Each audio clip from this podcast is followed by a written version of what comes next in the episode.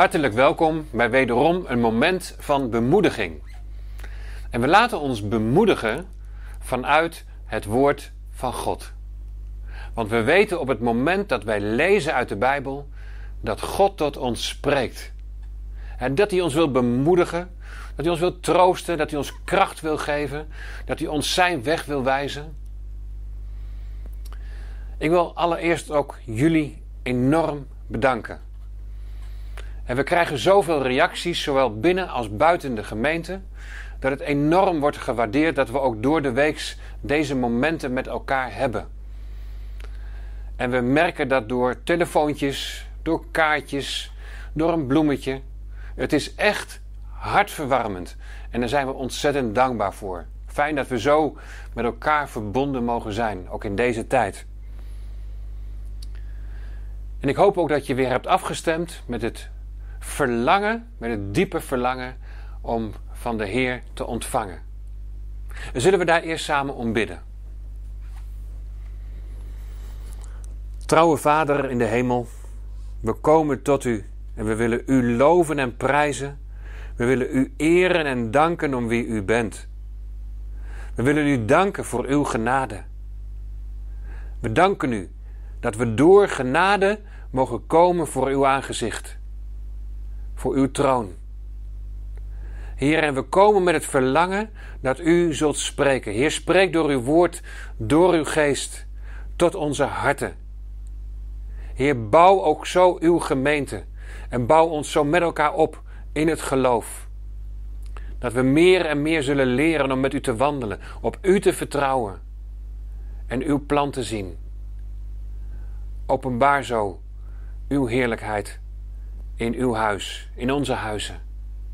Dat bidden we uit genade. In Jezus' naam. Amen. Je ziet hier naast mij een schilderij. En dat schilderij dat is gemaakt door Desiree. En je ziet daar een grote druiventros. En naast die druiventros staat ook een, uh, een Bijbeltekst. Johannes 15, vers 5. En in Johannes 15, vers 5, daar staat... En daar zegt de Heer Jezus tegen zijn discipelen... Ik ben de wijnstok en jullie zijn de ranken. Wie in mij blijft en ik in hem, die draagt veel vrucht. Want zonder mij kunt u niets doen. En dit schilderij, dat hangt in de raadskamer van de fontein. En zo belangrijk dat het daar hangt, want op het moment dat wij dat schilderij zien, worden we er weer bij bepaald hoe nauw wij verbonden zijn met de Heer Jezus Christus door zijn geest. Als we naar de schilderij kijken, dan worden we er ook weer bij bepaald hoe belangrijk het is om in afhankelijkheid te leven.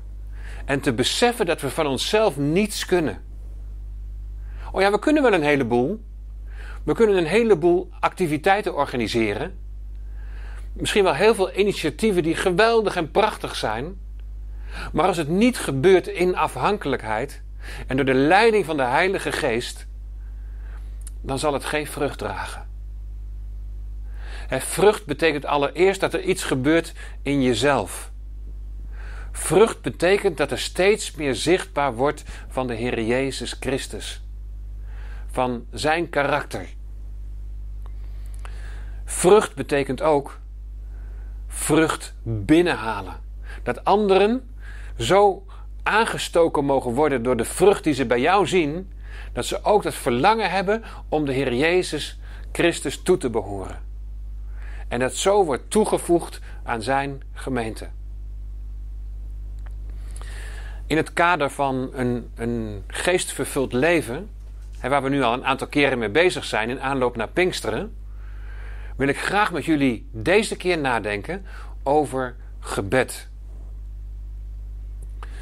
En misschien vind je dat best wel een moeilijk onderwerp. we zeggen tegen elkaar: gebed is enorm belangrijk voor jezelf. gebed is enorm belangrijk voor het leven in de gemeente. Want gebed is eigenlijk je geestelijke ademhaling. gebed is ja, zo belangrijk in relatie tot jouw geestelijke groei. Want daarin ben je zo nauw verbonden met je Vader in de hemel en kun je Hem alles voorleggen en alles met Hem bespreken. Maar als het gaat over ja, de intensiteit van ons gebed, dan worden we ook al gauw in verlegenheid gebracht. Ik denk ook vaak van, ja, het zou best nog wel meer kunnen. Of misschien ook nog wel intenser kunnen. Misschien vind je gebed, best wel moeilijk.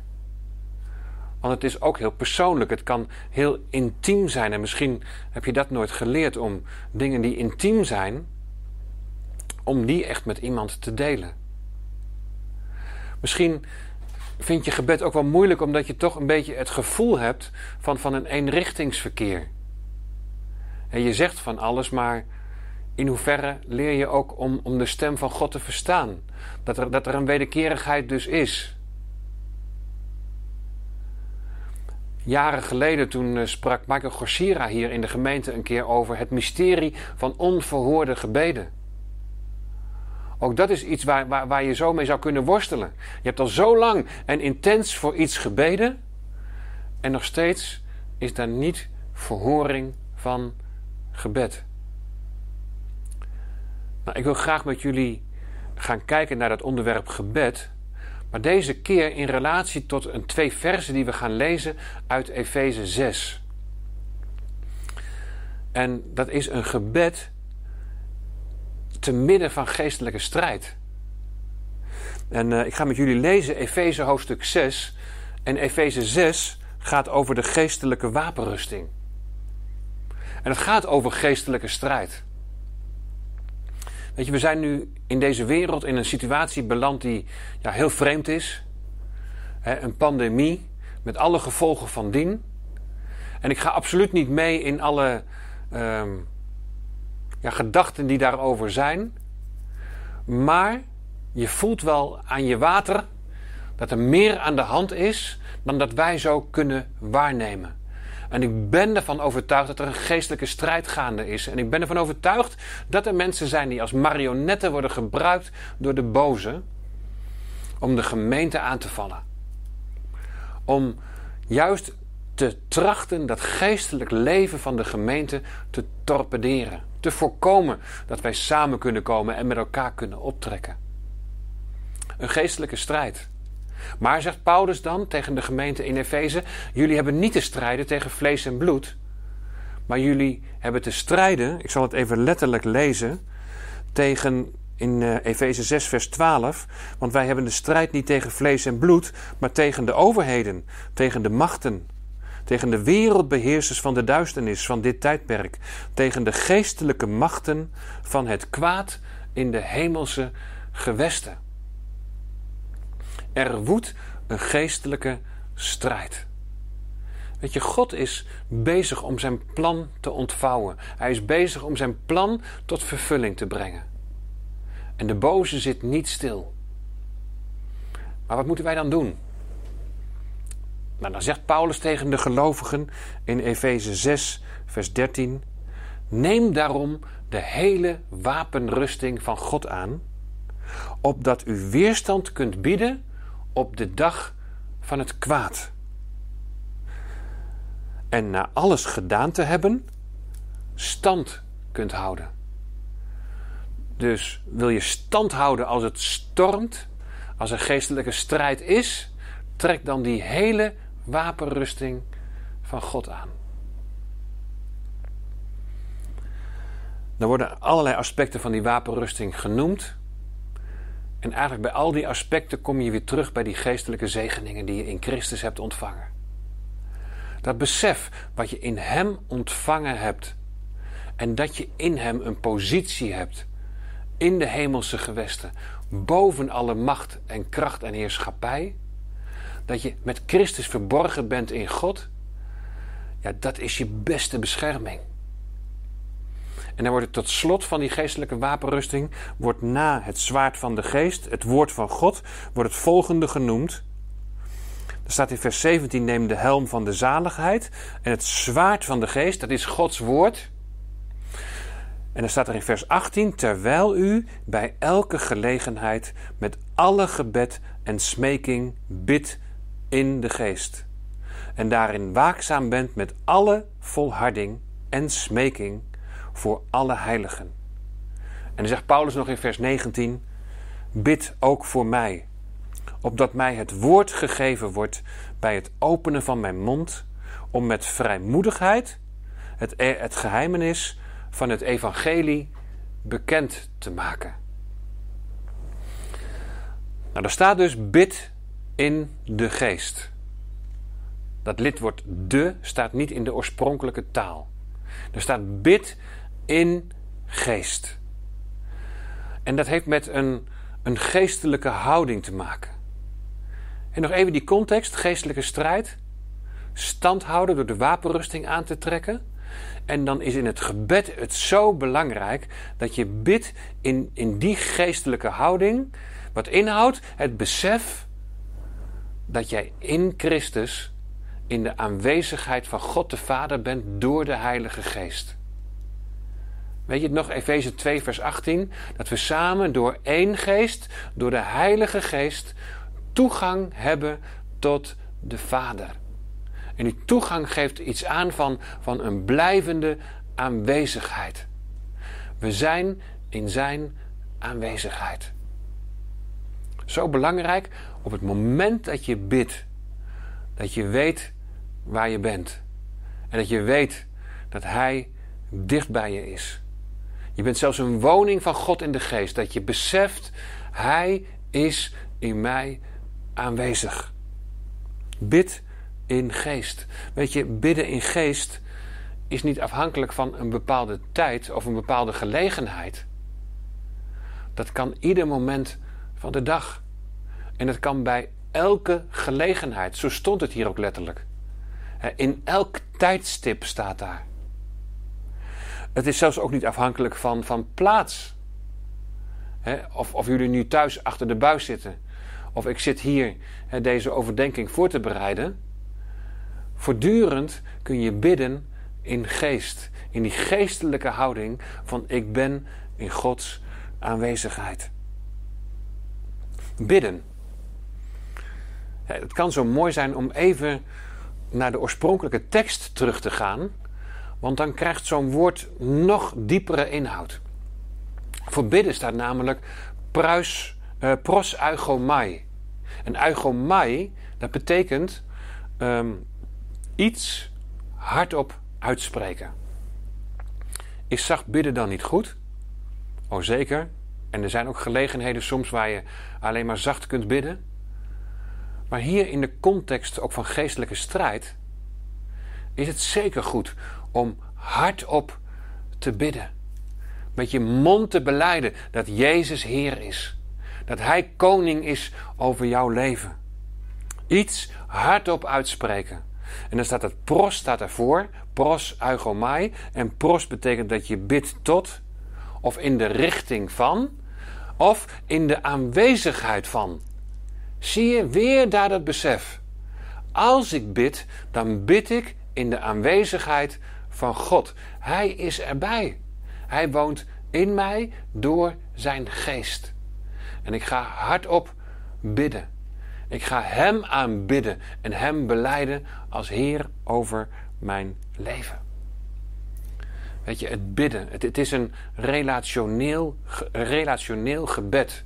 Bid in geest.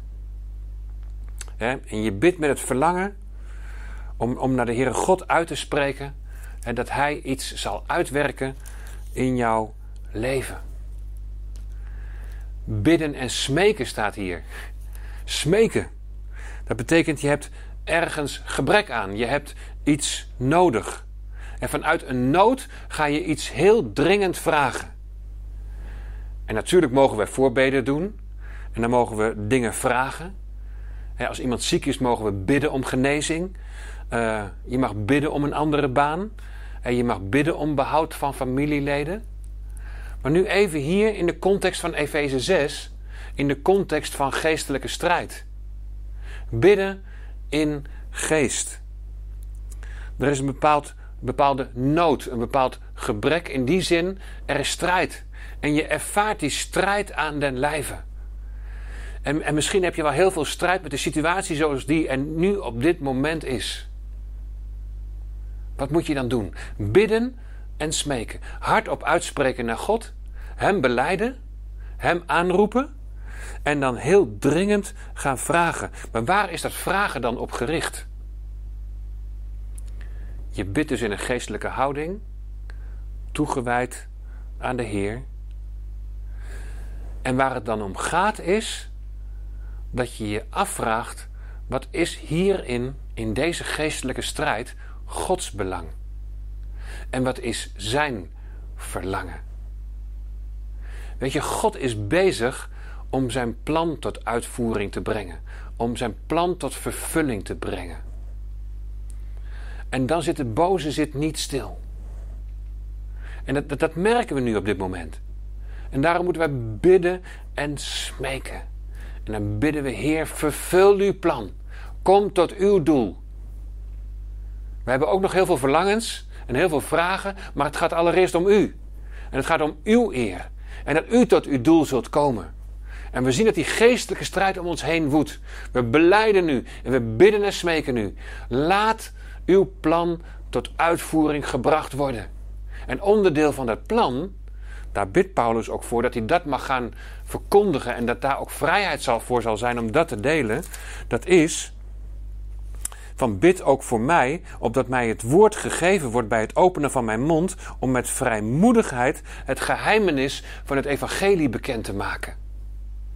Dat geheimenis, dat zijn wij onder andere.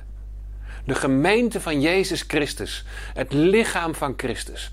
Dat wij mogen beseffen wat dat inhoudt. Hoe rijk dat is daar deel van uit te mogen maken.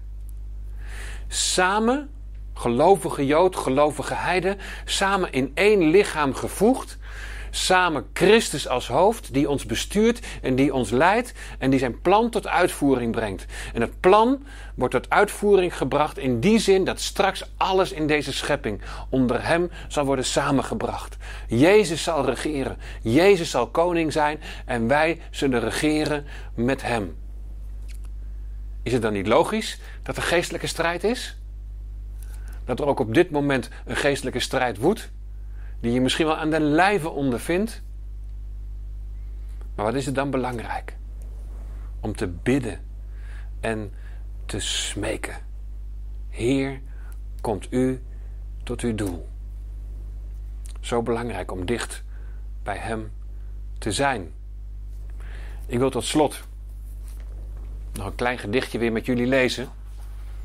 Wat ook helemaal over gebed gaat en ook in relatie staat tot wat ik met jullie heb gedeeld. Zo leer ik bidden. In waarheid en geest. Ontmoet ik het hart van de Vader en word ik bedachtzaam bedeesd als ik tot Hem nader. Zo leer ik bidden in Zijn diep geheim. Verdwijnt het onrustig jagen en hoef ik in zoeken en pijn om Hem slechts te vragen. God zegen.